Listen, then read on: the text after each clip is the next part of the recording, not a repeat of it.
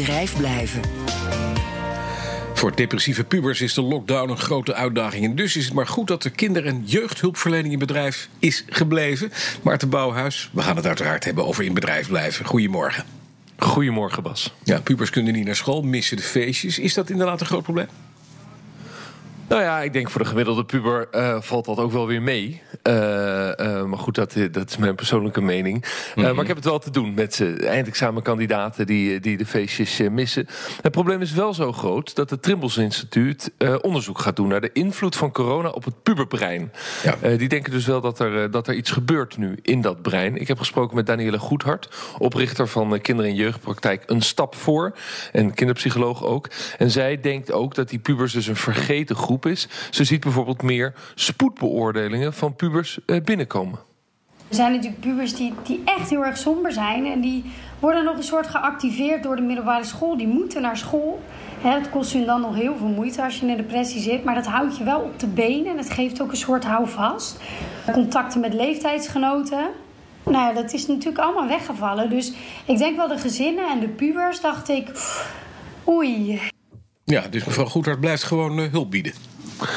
Ja, precies. En je hoort het er ook zeggen. Het gaat dus over de pubers die al depressieve problemen hebben. Ja, ja. Hm. En, en daar is zij zich direct zorgen uh, over gaan maken. En dus, uh, ja, toen alle maatregelen kwamen, konden zij ook niet gewoon doorgaan. Want zij moesten ook um, met alle collega's, meer dan tien collega's in de praktijk, die veel kinderen helpen, gezinnen helpen en dus ook pubers helpen, moesten ze vanuit huis gaan werken. Ja.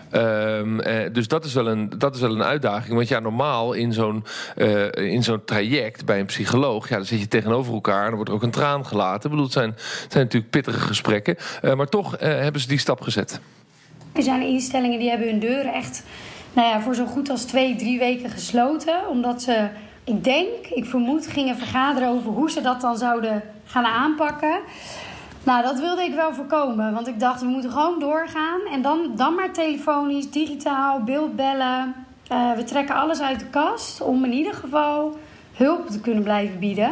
Ja, en dat betekent dus dat ze gewoon terug kan naar normaal, maar aangepast. Kun je alle behandelingen laten doorgaan? Ja, precies. Ze heeft dus de afgelopen twee maanden heel veel vanuit huis gedaan. Dus met, Ja. met beeldbellen zorgen dat ze iedereen toch kan helpen. En nu eh, is ze heel blij dat de praktijk weer open mag. Eh, en hebben ze bijvoorbeeld lichtbalken aangepast voor het, eh, of aangeschaft voor traumatherapie, zodat je dat op afstand kunt doen. iPads in plaats van pen en papier.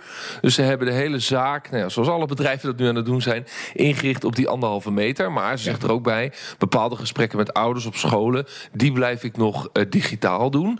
Ehm, eh, en ook kleine kinderen, ja, die moesten dus op afstand doen. Dat was wel een uitdaging. Kinderen van 6 tot 8 jaar, dat zijn natuurlijk nog eh, ontzettende stuiterballen. Ja, en zeker als ze nog jonger zijn, dan dat is best ingewikkeld om een kind geboeid te houden via het beeldscherm, inderdaad. Ouders moeten daar eigenlijk vaak ook wel naast zitten.